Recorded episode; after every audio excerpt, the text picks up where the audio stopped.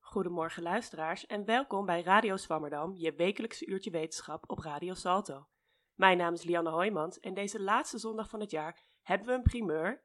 Deze gehele uitzending van Radio Swammerdam is namelijk volledig op afstand opgenomen via Zoom. En terwijl we veilig binnen weggestopt zitten achter onze computerschermen, draait de uitzending van vandaag om de relatie tussen mens en natuur. De afgelopen decennia wordt veel gesproken over CO2-uitstoot, plastic oceans en smeltende ijsschotsen. We zouden bijna vergeten dat de mens ook op kleinere schaal en directer invloed heeft op de natuur en dat de natuur ook een belangrijke rol speelt in ons dagelijks leven. Deze wisselwerking tussen mens en natuur en nog veel meer bespreken we vandaag. En daarvoor is de gast ten eerste Nienke Schulp, universitair docent ecosysteemdiensten en landgebruik aan de Vrije Universiteit. Zij geeft onderwijs en doet onderzoek naar wat in het Engels heet Nature's Contribution to People. Wat dat is, dat horen we zo, maar voor nu, welkom Nienke. En daarnaast is hier Sietse Noorder. Hij is biogeograaf en verbonden aan de Universiteit Leiden. Hij doet voornamelijk onderzoek naar eilanden en binnenkort verschijnt zijn boek De wereld in het klein, wat eilanden ons vertellen over de relatie tussen mens en natuur. Welkom ook Sietse. Goedemorgen. De column is vandaag van tevoren opgenomen door Milan Teunissen van Manen. Zij is zelf paleo-ecoloog en zij zal ongetwijfeld een interessante reflectie hebben op het onderwerp van vandaag. En tenslotte is hier ook aanwezig, wederom via Zoom, mijn co-presentator Bobby Uilen. Hoi Bobby. Hallo, goedemorgen. Goedemorgen. En voordat we met onze gasten de wetenschap induiken, wat is eigenlijk jouw persoonlijke relatie met de natuur, Bobby? Oh, dat is wel een heel grote vraag. Ehm, vroeger dacht ik altijd dat ik echt niet een natuurmens was. En ehm, vond ik de natuur ook heel saai. Vooral als puber. Dan moest ik zo. Ehm, ik weet nog wel dat ik dan een keer op fietsvakantie mee moest en dat ik dat echt walgelijk vond. Ik wou eigenlijk alleen op citytrips. Maar daar ben ik wel echt heel erg op teruggekomen. En nu uh, is het een beetje aan het omdraaien. Maar ik zou mezelf nog niet helemaal een natuurmens noemen. Maar misschien een natuurmens in wording of zo. En wat zou je dan omschrijven als natuur? Mm, ik zou misschien zeggen gebrek aan, gebrek aan bebouwing. um, maar ik, ja, er is natuurlijk ook heel veel natuur in de stad. Hè? Maar ik bedoel meer van de natuur op de manier waarop ik het er nu over heb. Is dan gebrek aan bebouwing, veel groen. Um, en uh, lekker rustig. Lekker rustig. Nou ja, we zullen deze uitzending vast meer uh, inzicht krijgen in wat dan de natuur nog meer voor mensen kan betekenen. Uh, en daarvoor gaan we nu al over naar onze eerste gast, Nienke Schulp. Zoals ik zei, je bent universitair docent aan de VU. En je houdt je bezig met iets dat Nature's Contribution to People heet. Of vroeger ook wel ecosysteemdiensten. Kun je vertellen wat dat zijn? Ja, um, Goedemorgen. Ja, ecosysteemdiensten, dat zijn um, processen of goederen uit de natuur, uit het landschap, die waarde hebben voor de mensen, die nuttig voor ons zijn. Um, bijvoorbeeld schoon drinkwater, dat wordt gefilterd door planten en moerassen en door de bodem. Um, dat kunnen zijn uh, roofdieren die plaaginsecten of uh, plaagdieren zoals muizen voor, voor je graangewassen opeten en daardoor de plaag onderdrukken. Of het kan zijn een mooi landschap met veel groen en lekker rustig waar je lekker in kunt wandelen. Of een boom die het prima vindt dat jij aan die boom spirituele waarde toekent. Dus het zijn eigenlijk alle dingen die de natuur doet voor mensen. Of zou je ook kunnen zeggen dat er ook ecosysteemdiensten zijn die uh, voor de rest van de natuur, voor dieren of voor andere planten? Of ja, ja het, is, het concept is heel erg antropocentrisch, heel erg op, op mensen gericht van wat de natuur voor ons betekent. Um, als je ingaat op, op hoe de natuur gewoon samenhangt en hoe de natuur nuttig is voor de rest van de natuur, dan zit je meer in de ecologie, hm. denk ik. En met ecosysteemdiensten zit je echt op wat de natuur voor, voor mensen betekent, op de relatie tussen mens en natuur. Oké, en dat kan dus van alles zijn, maar hoe, hoe doe je dan onderzoek daarnaar? Wat gebruik je dan allemaal? op allerlei verschillende manieren. Want ja, het gaat om de ene kant om hoe de natuur werkt. Van, van um, hoe levert de natuur die spullen en welke processen zitten erachter um, ja, die, die plaagbestrijding of bijvoorbeeld bestuiving van, van, van landbouwgewassen. Dus bijvoorbeeld, um, welke landbouwgewassen hebben bestuiving nodig? Welke hommels en welke bijen en welke andere insecten eh, doen dat? Mhm. Wat voor habitat hebben die nodig? Um, hoe ver van hun nesten gaan zij af? Dus, dus um, hoe ver van die habitat van die nesten af heb je bestuiving van landbouwgewassen? Of iets anders. Waar groeien bramen of waar groeien paddenstoelen die wij graag plukken en die wij kunnen eten? Dus dat heeft aan de ene kant een hele ecologische component.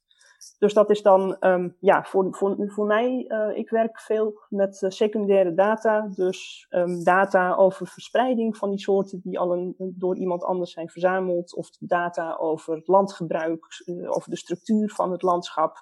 En die gebruik ik om die kant ja, in kaart te brengen. Ja, ik heb ook een artikel. En dan gaat het dan. Ja? En aan de andere kant gaat het om uh, wat het betekent voor de mensen. En um, ja, dan, dan gaat het erom uh, hoeveel mensen zijn die dat nodig hebben, hoeveel die nodig hebben, waar die mensen zijn en waarom ze het nodig hebben. En ja, dat nodig hebben, dat uit zich op heel verschillende manieren ook. En dat, dat bepaalt heel erg hoe je het meet ook. Ja, ik heb ook uh, in um, een artikel van je allerlei kaarten gezien. Dat was een artikel over hoe, in hoeverre mensen dingen uit het wild aten in Europa. Um, maar hoe uh, bepaal je, hebt dan kaarten voor verspreiding van bepaalde soorten en hoogtes en zo, maar hoe weet je eigenlijk uh, hoe de mensen reageren? Hoe onderzoek je hoe mensen reageren op die omgevingsfactoren? Het liefst gewoon door met mensen te praten en door ze te vragen, eigenlijk. Maar um, ja, daarachter zit het, het, ja, conceptueel zit daar ook uh, gewoon een nadenken achter van hoe zou dat nou werken? Wat mensen nodig hebben uit de natuur. Um, afgelopen maandag is een promovendus van mij gepromoveerd hierop. En die heeft dit conceptueel goed uitgezocht en heeft ook wat nieuwe methodes om wat mensen nodig hebben uh, ja, uh, uitgeprobeerd, in kaart gebracht. En wat zij heel duidelijk onderscheidt is dat we ecosysteemdiensten echt kunnen consumeren. Gewoon voedsel of hout, maar ook ja, het, het landschap, dat kunnen we rechtstreeks gebruiken. Mm maar andere ecosysteemdiensten die verkleinen voor ons het risico. Die verkleinen voor ons het risico dat een oogst verloren gaat door een plaag, dat de oogst, oogst lager wordt doordat de bestuiving niet goed is. Um, verkleinen het risico op erosie of uh, um, overstromingen. En een andere is ja, culturele waarde. Dat, uh, dat wij gewoon het landschap mooi vinden en het weten dat het landschap er is, dat dat intrinsieke waarde heeft voor ons. En dan kan het aan de ene kant zijn dat we er volledig afhankelijk van zijn. Bijvoorbeeld voor uh, medicinale planten. Sommige inheemse uh, uh, samenlevingen, ja, voor hen is het van levensbelang dat ze veilig en genoeg um, medicinale planten kunnen oogsten. Maar dat kan ook een culturele uit, uiting zijn. Bijvoorbeeld in middenklasse en rijkere steden in China of bijvoorbeeld in Duitsland ook, waar dat heel groot is. Daar hebben ze genoeg um, eh, ja, moderne, goed gecontroleerde, door de EMA goedgekeurde medicijnen. Maar daar is vaak gewoon een voorkeur voor plantaardige medicijnen. En ja, dat is een traditionele culturele uiting. En dat is ook een manier waarop het waarde heeft. Ja, um, en als we dan teruggaan naar Nederland. Je doet ook onderzoek in het Kromme Rijngebied. Um, heb ik begrepen. Wat voor soort onderzoek doe je daar dan? Wat bied je daar als onderzoeker? Ja, daar hebben we een aantal verschillende onderzoeken gedaan. Um, we hadden een aantal projecten waarin we graag in een specifiek gebied onderzoek wilden doen naar het landschap en uh, de mensen en uh, verduurzaming van het landschap. Mm -hmm. Toen hebben we gezocht naar een landschap waar we al wat contacten hadden en wat een interessant en gevarieerd landschap was. En uh, via een kennis bij de provincie Utrecht zijn we toen in de Kromme Rijnregio terechtgekomen we hebben daar echt van alles gedaan. Een collega van mij heeft uh, ecosysteemdiensten in kaart gebracht, heeft gekeken naar um, uh, welke gebieden je het beste zou kunnen beschermen om ecosysteemdiensten te optimaliseren. Ik heb gekeken naar verduurzaming van de landbouw. Um, we hebben in een aantal workshops scenario's voor de toekomst van de landbouw in het gebied gemaakt. Op het moment zijn er nog collega's bezig met het uh, samenvatten van onderzoek waar ze heel veel recreanten hebben geïnterviewd. Wat die, om de, erachter te komen wat die precies zoeken daar in het landschap. dus ja, heel breed. Um, Wat is het landschap daar? Hoe functioneert dat? Wat betekent dat voor de mensen die er wonen en de mensen die er komen? En kun je iets vertellen over ehm, hoe, hoe ziet het Krommerijngebied eruit? Op welke manier wordt dat gebruikt? Welke ecosysteemdiensten zijn daar? Nou, het is een heel populair recreatielandschap. Het ligt vlakbij Utrecht. Mm het uh, is dus ja, rondom de Kromme Rijn en uh, de, daar, de, de, uh, vlak naast de Kromme Rijn, daar is een fruitgebied waar mensen gewoon in het voorjaar graag komen fietsen om naar de bloeiende fruitbomen te kijken. De Kromme Rijn, dat is een schattig kronkelend riviertje wat niet zo heel hard stroomt, dus daar kun je heel goed op kanoën. Het is al sinds heel lang een recreatiegebied, want er staan ook hele mooie landhuizen uit de, uit de, uit de Gouden Eeuw waar uh, in die tijd stedelingen al naartoe vluchten om lekker buiten te zijn, buiten de stad. Um, ja, tegenwoordig zijn dat mooie landgoederen waar je ook kunt wandelen. Um, verder ja, is, het, is het heel gevarieerd. Dat, ja. um, het, het, zijn graslanden, het zijn akkerlanden, er zijn veel heggetjes, veel kleine bosjes. En daardoor die variatie, dat trekt heel veel mensen aan, naast dat het zo dicht bij Utrecht ligt. En dat het dus heel toegankelijk is. Ja die recreatie is een heel erg belangrijke daarvoor. Is dan ook het doel van het onderzoek uh, dat jullie daar hebben gedaan bij de Krommerijn eigenlijk om dus naar aanleiding van de uitkomsten de natuur zo goed mogelijk in de dienst, in dienst van de mens te gaan stellen? Um, dus dat je, dat je echt daarop gaat aanpassen om het zo efficiënt of, zo mogelijk te maken? Um, deels ja, deel, deels gaat het wel die richting uit, maar uh, ja, niet alle landschappen hoeven voor de, tot in, dienst van de mens te, staan. Je hebt ook uh, ja, biodiversiteitswaarde die intrinsiek waardevol is voor de mensen. Maar deels is het dat wel, van, van kijken wat de problemen zijn in dat landschap. En daar ja, is, is um, uh, intensivering van de landbouw in conflict met de recreatiedruk een hele lastige. En dan gaat het om in kaart brengen van waar die problemen zijn. En ja, nagaan hoe je die problemen zou kunnen oplossen, ja. Dus die intensivering van de landbouw, daar moeten we dan ons bij voorstellen dat er hele grote varkenstallen worden gebouwd of zo? Of uh, die dan uh, de fietspaden van de, van de AWB fietsenstellen uh, doorkruisen. Hoe, op welke manier heeft de intensivering van de landbouw effect op dat gebied? Nou, varkensstallen zijn daar niet zo heel erg aan de orde. Het is, nee, het is, het, het is um, ja, naast de Kromme Rijn heb je dus die fruitteelt. Um, en verder is het echt een, een, een weidegebied met, met, met koeien en melkproductie. Grotere stallen wel een beetje aan de orde, maar veel, maar veel minder. Um, wat we regelmatig horen um, of hebben gehoord daar in workshops in dat gebied, als we met, met boeren en vertegenwoordigers van de recreatiesector praten, is uh, uh, ja, dan moet je met je tractor ergens naartoe om een essentiële handeling te doen die je echt nu moet. En dan is er weer zo'n tocht met uh, motorfietsen of eentjes die daar langzaam door het gebied aan het cruisen is. En dan moet je daar weer omheen. En uh, ja, dat soort conflicten in het ruimtegebruik, die, zijn, die komen steeds vaker voor. En dat is voor beide partijen gewoon heel irritant. Als je lekker aan het cruisen bent en er moet een grote tractor met een grote uh, kar vol gras langs. Dat is voor jou als recreant lastig. En voor jou als boer is dat ook lastig als je daar omheen moet slaan. En, wat zou dan de oplossing zijn voor zo'n probleem? Zeg maar, moeten de boeren eruit of de, of de recreanten eruit? Is dat een beetje de, de keuze? Of? Ja, in dit specifieke gebied uh, weet ik dat niet precies. Um, ja, het, um, het zo inrichten dat ze zo weinig mogelijk last van elkaar hebben en uh, ja, gewoon een beetje rekening met elkaar houden. Um, in, uh, op vakantie heb ik dat regelmatig zien staan langs mooie weggetjes van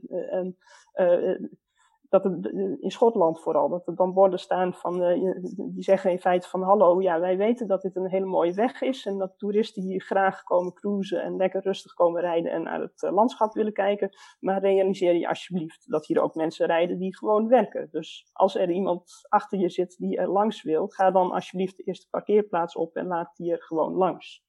Dus dat is het eigenlijk altijd met het werk waar ik mee bezig ben. Het is enerzijds gaat het over het gedrag van mensen, wat heel veel kan doen. En anderzijds gaat het om uh, ja, het landschap aanpassen. Op zo, het landschap op zo'n manier inrichten dat het voor zoveel mogelijk mensen optimaal is. Maar ja, het voor iedereen optimaal maken, dat kan gewoon nooit. Je hebt gewoon altijd trade-offs en die kun je minimaliseren, maar die moet je deels ook accepteren. Ja. Ehm, eh, we hebben het nu over landbouw en ik heb daar een fragment klaarstaan uh, wat daar uh, gedeeltelijk over gaat. Hoe de landbouw zich ook zou kunnen verhouden tot, tot mensen. Um, ik heb een fragment uit de film Alive on Our Planet van David Attenborough. Een groot deel van onze luisteraars zal die ongetwijfeld gezien hebben op Netflix. Uh, we gaan luisteren naar een stukje uit het einde van de film, waarin Attenborough de Nederlandse voedselteelt ophemelt. En dat ziet als een oplossing voor een groot probleem.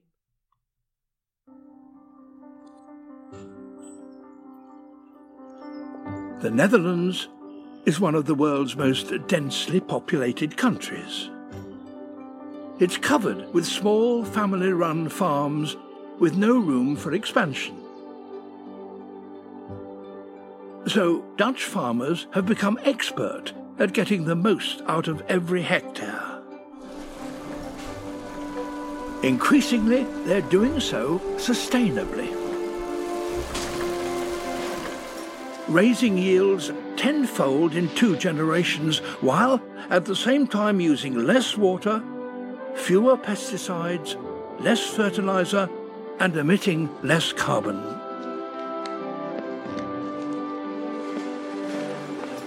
Despite its size, the Netherlands is now the world's second largest exporter of food.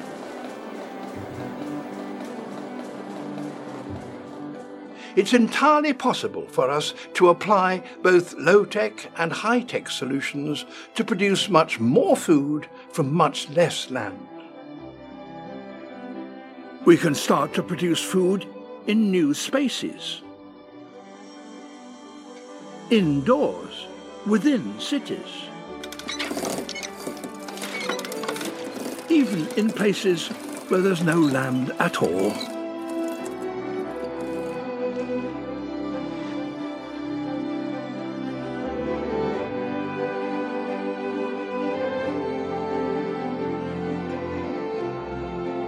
As we improve our approach to farming, we'll start to reverse the land grab that we've been pursuing ever since we began to farm, which is essential because we have an urgent need for all that freed land.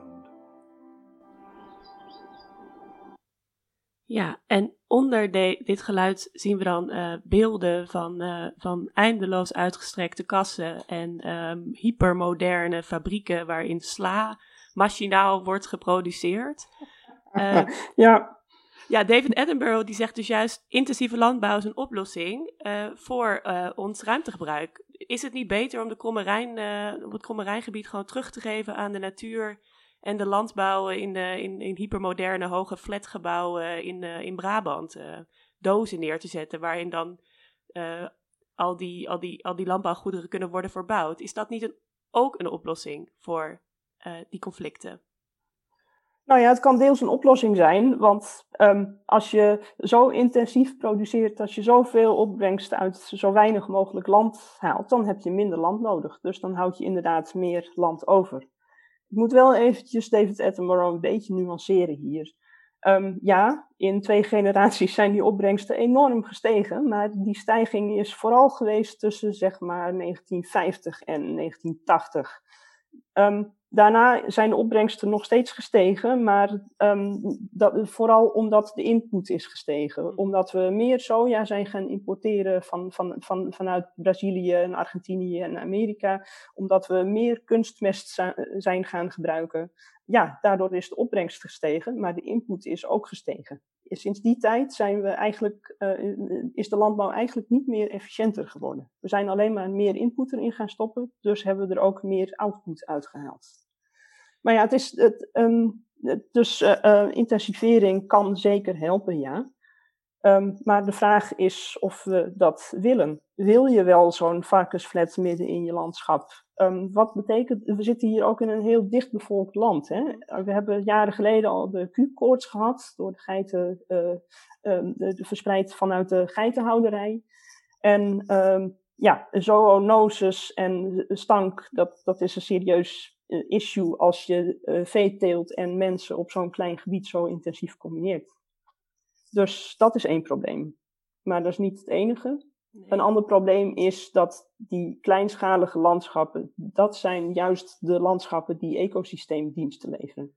Je kunt wel een groot woest natuurgebied hebben, maar als dat, uh, uh, zeg eens wat boven op de Veluwe ligt, dan beschermt dat niet Amsterdam voor overstromingen. Het helpt juist overstromingen remmen als je om Amsterdam ook nog wat extensievere, gevarieerde gebieden hebt die kunnen fungeren als regenwaterbuffer, bijvoorbeeld. Ja, dus je zegt eigenlijk dat een, um, een, een, een, een gebied met meer extensieve landbouw, of uh, een, een, gebied zoals we dat kennen in Europa veel, een beetje zo'n landbouwglooiend gebied, dat dat um, um, misschien meer waarde heeft, zowel voor de natuur als voor de mens. Het heeft andere waarden. In de grootschalige natuurgebieden, waar David Attenborough naar, naar, naar hint, dan moet je denken aan grote moerassen, aan grote aaneengesloten bossen. Ja, die heb je nodig voor, voor wolven, voor linksen, voor, voor wiesenten enzovoort. Maar de, de wat kleinschaliger, gevarieerde landbouwlandschappen, um, daar zit andere biodiversiteit. Dat is essentieel voor de kwartels en voor de grutto. Die, bijvoorbeeld de grutto die afgelopen jaar weer een dramatisch broedseizoen heeft gehad. En dat is een vogel, ja, die uh, um, leeft wel deels uh, ook in woeste, moerasachtige natuurgebieden. Maar uh, de, de gruttopopulatie in de wereld, voor de gruttopopulatie is de, in de wereld is de extensievere landbouw in Nederland ja, essentieel als broedgebied. En dat verdwijnt nu. De grutto is dan gewoon één voorbeeld, maar er zijn er veel meer, zoals de grutto. Ja, dus als we dan alles aan de, aan de woeste wildernij zouden overlaten en onze landbouw volledig in fabrieken zouden stoppen, dan zou de grutto al snel het loodje leggen. Denk het wel. Ja. En uh, ja, niet alleen de grutto, maar ook allerlei andere soorten die baat hebben bij die open, gevarieerde, um, extensievere landbouwlandschappen. Nou denk ik niet dat die eh, open, gevarieerde, extensieve landbouwlandschappen de wereld kunnen voeden. Um, maar uh, alle studies die ik erover lees, die denken dat die intensieve landbouw dat ook niet kan. Oké. Nou, maar goed, we hebben, om nog op een positieve note dit gedeelte af te sluiten, de mens en zijn, en zijn landbouwdrift kan dus ook wel degelijk een positief effect hebben op de natuur en de omgeving. Um, en we zullen hier ongetwijfeld nog op terugkomen uh, later in de uitzending, als we met Sietse gaan praten. Uh, maar nu gaan we eerst naar de column. Um, die komt vandaag van de hand van Milan Teunissen van Manen. En zoals ik zei, zij is dus ecoloog.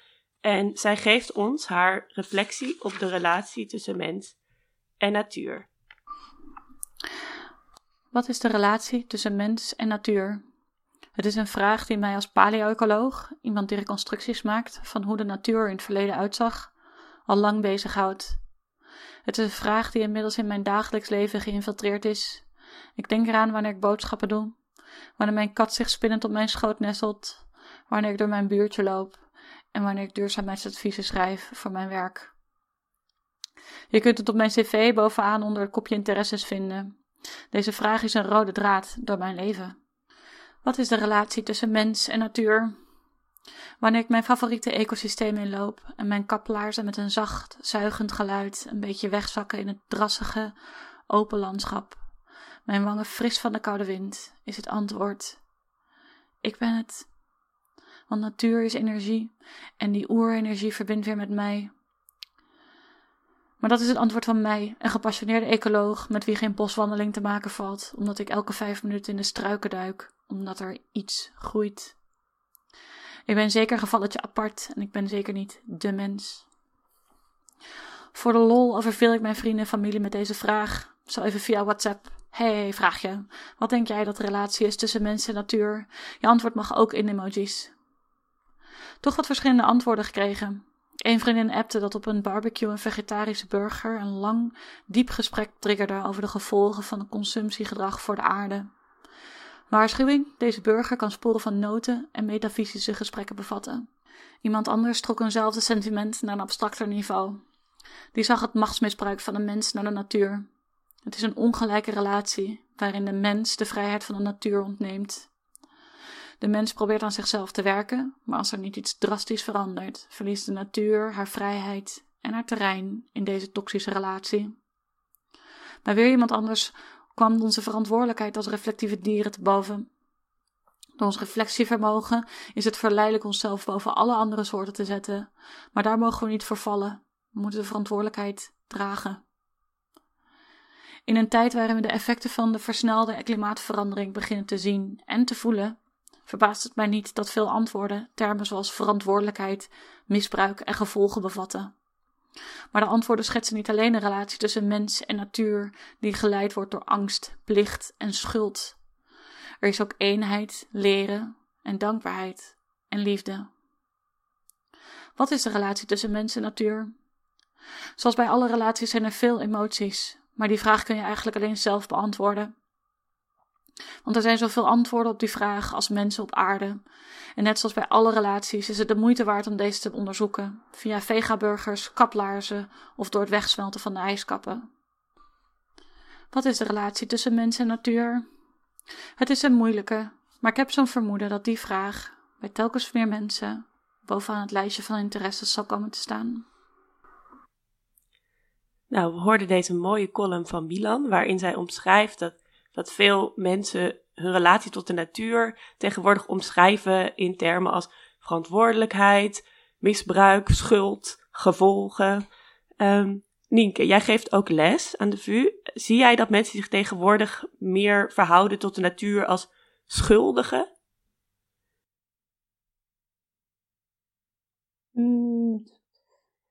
Ja, ik geef nog niet zo lang les dat ik daar een trend in durf te zien. Maar is het zo dat uh, mensen vaak denken van, oh, de, de, de mens die uh, maakt misbruik van de natuur of is schuldig aan het beperken van de natuur?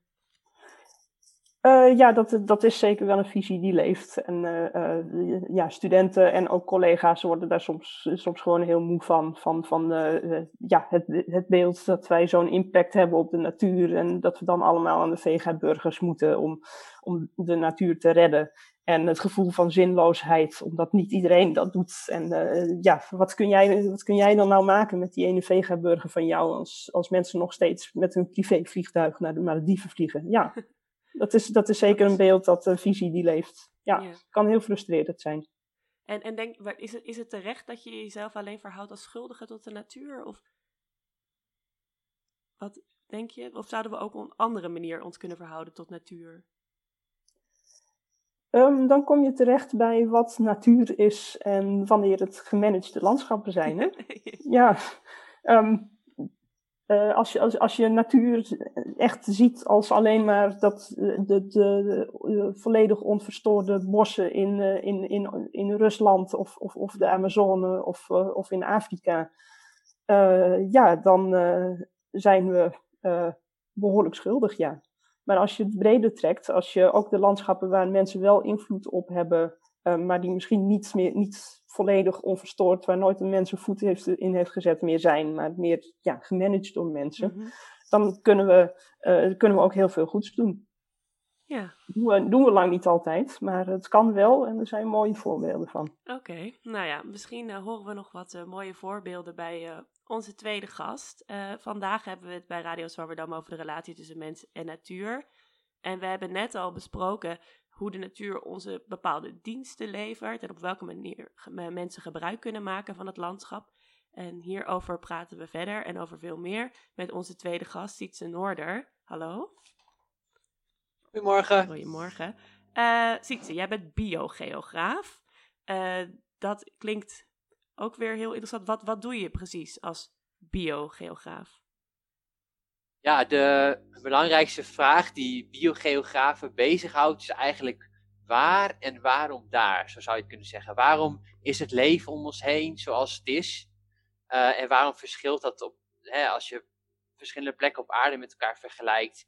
Waarom zien we zulke grote verschillen? Um, um, nou ja, je kan, hè, een, een, concreet voorbeeld zou bijvoorbeeld kunnen zijn dat uh, Nienke had het al over biodiversiteit. Nou, die biodiversiteit is niet evenredig over de aarde verdeeld. Er zijn plekken waar heel veel soorten heel dicht bij elkaar leven, maar er zijn ook plekken waar heel weinig soorten leven. Ehm, nou ja, dus biogeografen proberen die patronen zeg maar, te begrijpen.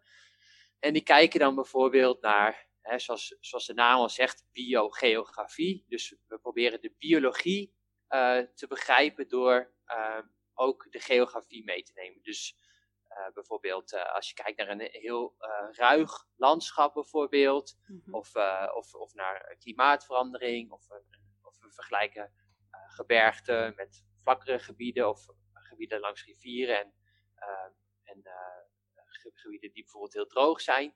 Waarom zien we nou verschillen in biodiversiteit en hoe wordt dat beïnvloed door bijvoorbeeld klimaat, en geografie. Nou, dus dat is, dus deze, dit vakgebied, hè, dat, dat voert terug tot, tot Darwin en Wallace en zelfs nog verder terug. Uh, en maar wat we eigenlijk uh, steeds meer zien, is dat dat vakgebied zich ook opnieuw aan het uitvinden is. Want, want waar je voorheen, ehm, ja, waar voorheen eigenlijk de mens grotendeels werd genegeerd, zie je dat de, dat de rol van de mensheid eigenlijk steeds belangrijker wordt in het beantwoorden van die vraag waarom daar en waarom niet daar. Dus, dus hè, door, door uh, internationaal transport bijvoorbeeld van, uh, van vliegtuigen, uh, vrachtschepen, ja. um, de, de, de, aanleg van wegen en, en wat, wat Nieke noemde, het aanleggen van landbouwgebieden. Hoe wij het landschap inrichten en hoe wij verschillende plekken op aarde met elkaar verbinden, speelt een steeds grotere rol in het verklaren van de verspreiding van het leven uh, op aarde. Nou, dat is, dat is uh, in het korte biogeografie. Um, hè, dus de mens wordt, wordt daarin steeds belangrijker. Maar uh, de mens is, wordt zelf daar ook door beïnvloed, door, door biogeografische factoren. Wij zijn, wij zijn een van die miljoenen soorten op aarde. En wij denken soms dat wij daar, daar buiten staan, of dat wij mhm. heel anders zijn dan al die andere soorten. Maar ook wij uh, worden uh, beïnvloed door het landschap. Bijvoorbeeld op welke plekken beslissen wij om het landschap te veranderen in bijvoorbeeld waar, waar beslissen wij om bossen te kappen en een stad te bouwen of waar beginnen wij nieuwe landbouwgebieden. Waar gaan we wonen en waar, welke plekken zijn minder populair? En hetzelfde zie je ook als je, als je zeg maar duizenden jaren terug gaat. Mm -hmm. of, uh, hoe onze voorouders zich over uh, de aarde hebben verspreid. Ook dat is beïnvloed door het landschap en het klimaat. Uh, dus ja. Dus, dus er is een soort permanente wisselwerking tussen mensen. Uh, ja. En dus mensen brengen bijvoorbeeld andere diersoorten met een vliegtuig naar de andere kant van de wereld.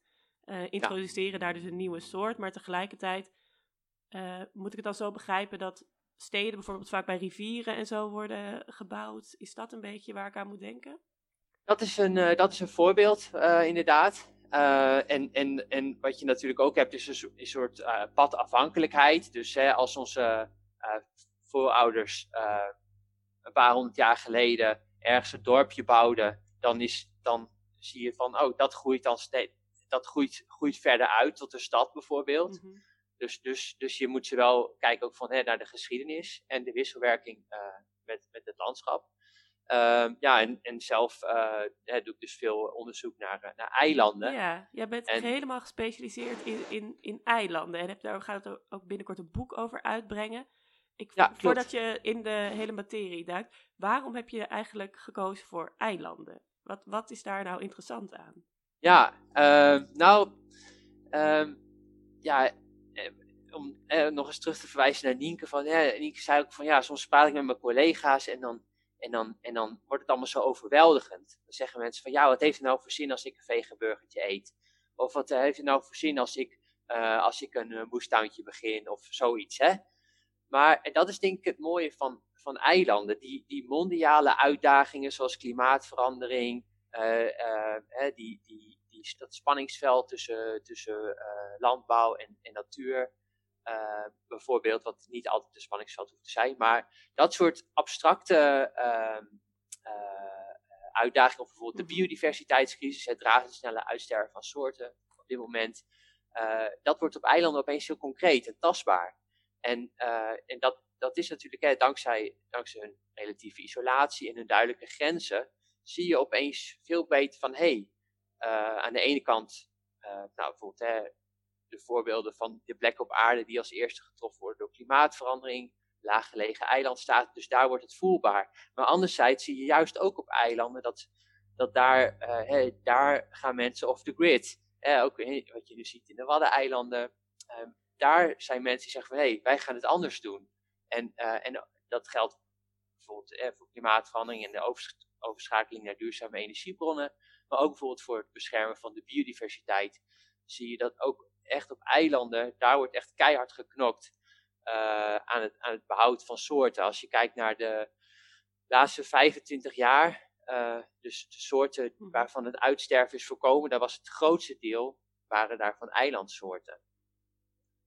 Dus daar kan je echt een impact hebben dankzij uh, dat, dat, kleine oppervlakte. Ja, maar is het ook niet zo dat er op, op, op eilanden vaak andere soorten leven dan in de rest van de wereld? Dus dat de kans dat een eilandsoort uitsterft misschien ook groter is dan de kans dat een andere soort uitsterft? Of heb ik dat verkeerd?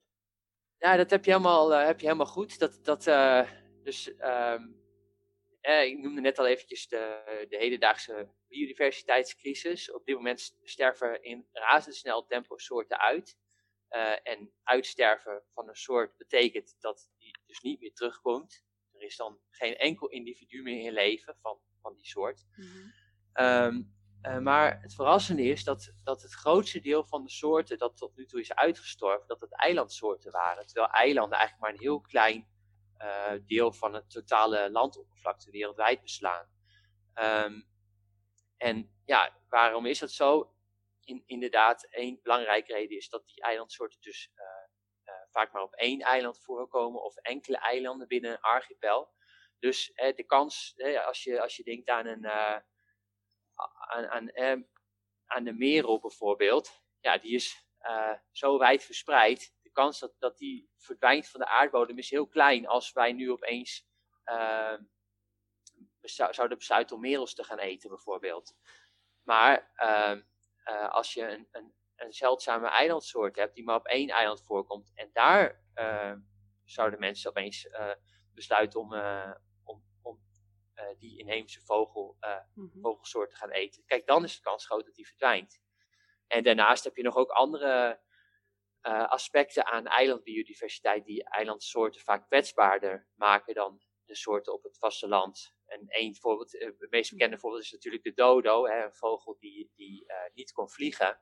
Maar hetzelfde verschijnsel zie je ook bij heel veel andere eilandsoorten. En die zijn ecologisch naïef. Dus er zijn zo, ze hebben... Ecologisch naïef. ja, ja, zo noem je dat. Er, is bijvoorbeeld één anekdote van, uh, dat heeft uh, Darwin geschreven in zijn, uh, in zijn memoires, dat hij ehm, op de Galapagos was en hij had in zijn hand had hij een geweer. En hij duwde met zijn geweer, duwde die een vogel van een tak. Yeah. En dat illustreert voor mij echt hoe ja, waarom die soorten zo kwetsbaar zijn. Want ze, ze, zijn, ze zijn niet gewend aan, aan mensen of andere, uh, andere roof, grote roofdieren. Dus zodra er dan opeens zo'n toppredator als de mens komt, na uh, honderd, honderden, duizenden jaren, ja, dan ben je daar niet op berekend. En daarom zien we juist op eilanden zo'n, uh, dat, dat, dat, dus, dat, dat er dus zoveel soorten verdwijnen op dit moment. Ja. Waar trek je eigenlijk de grens van Ehm, wat nog een eiland is. Want als je gewoon naar de wereldkaart kijkt, dan zou je, dan ziet Oceanië bijvoorbeeld, ziet er ook echt uit gewoon als een eiland. Maar dat is ook heel, dat is ook een heel groot oppervlakte. Dus wat is dan, wanneer is het nog een eiland en wanneer is het gewoon een werelddeel? Ja, nou, um, een, een, een, uh, dat, is, dat is een goede vraag. Dus uh, er zijn, het hangt, hangt ook af van wat je.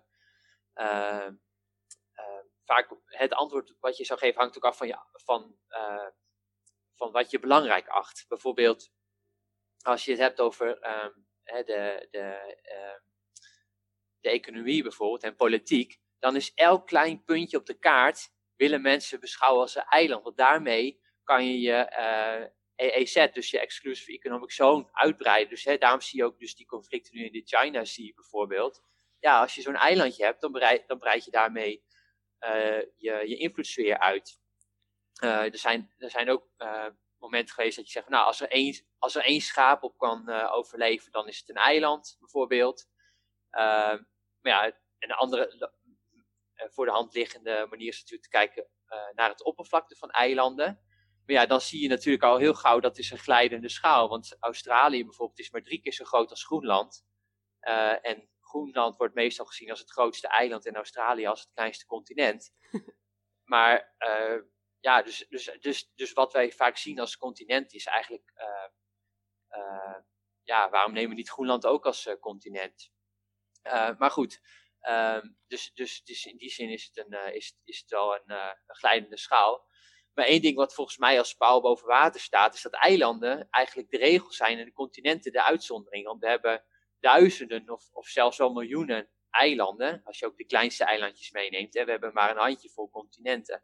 Dus misschien moeten we het eigenlijk hebben over een wereld van eilanden en niet over een, over een wereld van uh, continenten.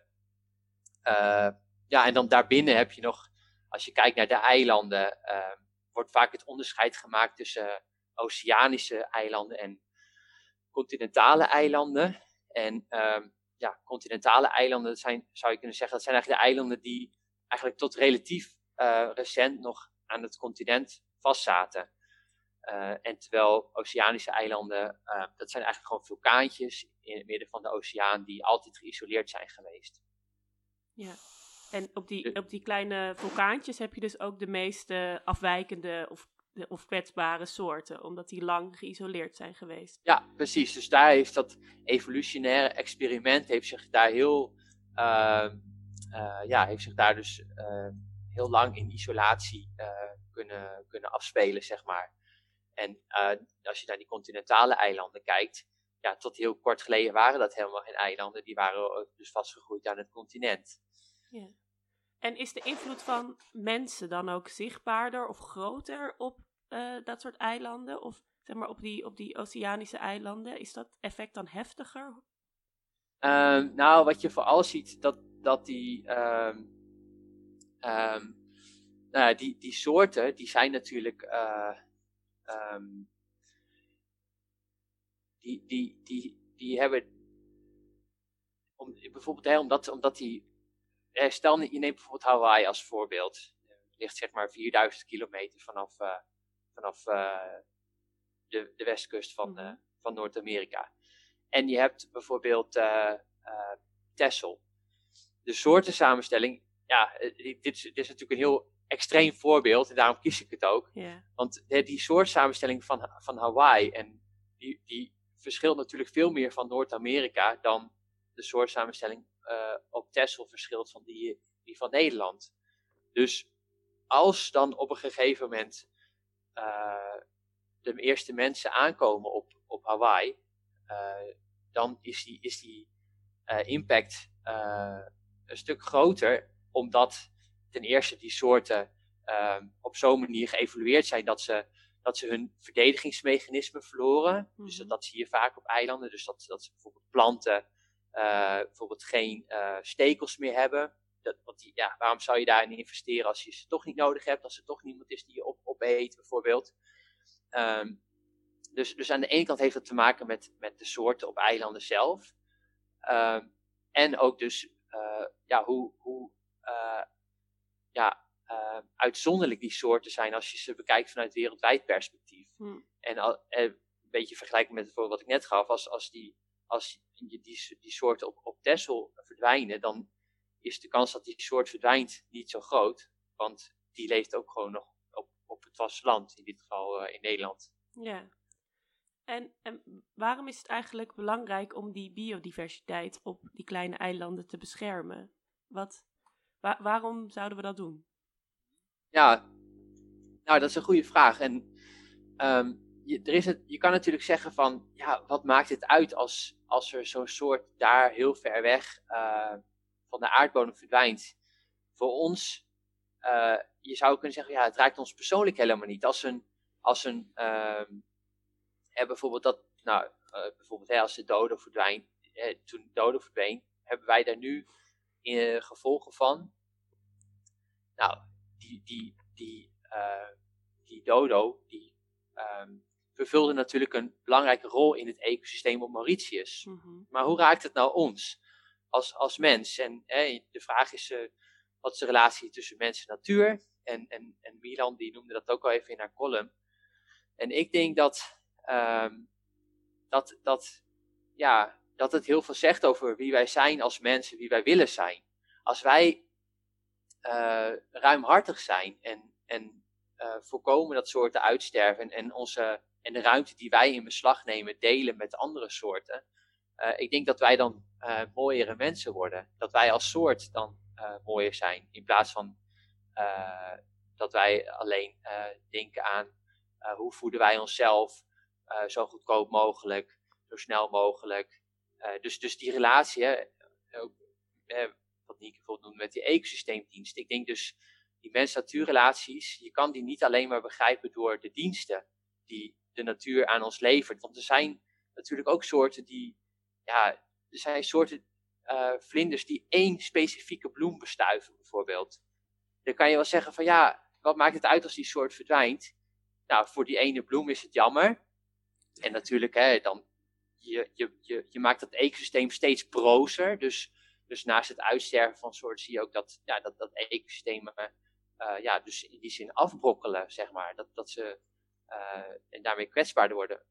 Maar los van, van die, ja, wat doet nou de natuur voor de mens? Ik denk ook, ja, um,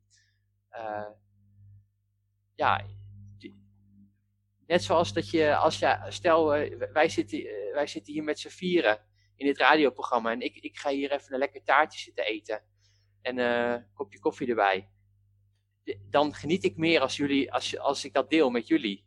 En ik denk dat, dat we dus onze, dat de antropocentrische wereldbeeld breder moeten maken. Niet onszelf, de mens als enige wereldburger zien, maar dat wij delen onze aarde, eiland aarde, met een heleboel andere soorten. Nou, mooi. Nou, Nienke, uh, ik, ja, ik wil je vragen om hierop te reageren, want je zei, jouw vakgebied is op zich best antropocentrisch, dus de mens staat heel erg centraal. Hoe, hoe kijk jij aan tegen die bescherming van, van biodiversiteit, van hele specifieke biodiversiteit ook? Nou, ik ben het wel heel erg met Sietse eens. Ik, natuur heeft nut voor ons. Ja, sorry, er is niet zo heel veel aan te doen. Je kunt, kunt die bijen niet stoppen met de, gewassen te bestuiven. Um, als je wilt, een natuurgebied wilt uh, weerhouden om ons te beschermen tegen overstromingen, moet je heel veel doen. Dan moet je het helemaal eh, plat slaan en asfalteren of zo. Natuur heeft gewoon nut voor ons, punt. Maar dat is niet het enige. Natuur heeft ook een intrinsieke waarde. Um, natuur heeft waarde van, van zichzelf en die is ook het beschermen waard. Um, ik denk dat dat het grootste probleem was van de ecosysteemdiensten, zoals die ongeveer vanaf halverwege jaren 90 tot een paar jaar geleden um, echt zijn ja, beleden, zal ik maar zeggen, of onderzocht, is dat, dat die utiliteitswaarde echt helemaal voorop stond.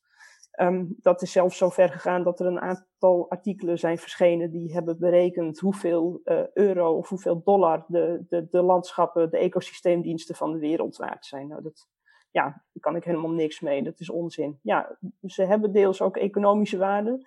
Um, maar wat mooi is aan dat Nature's Contribution to People concept, waar we sinds een paar jaar geleden een beetje op over zijn gegaan, is dat um, die, die, die bredere waarde dan de economische waarde daarin veel belangrijker is.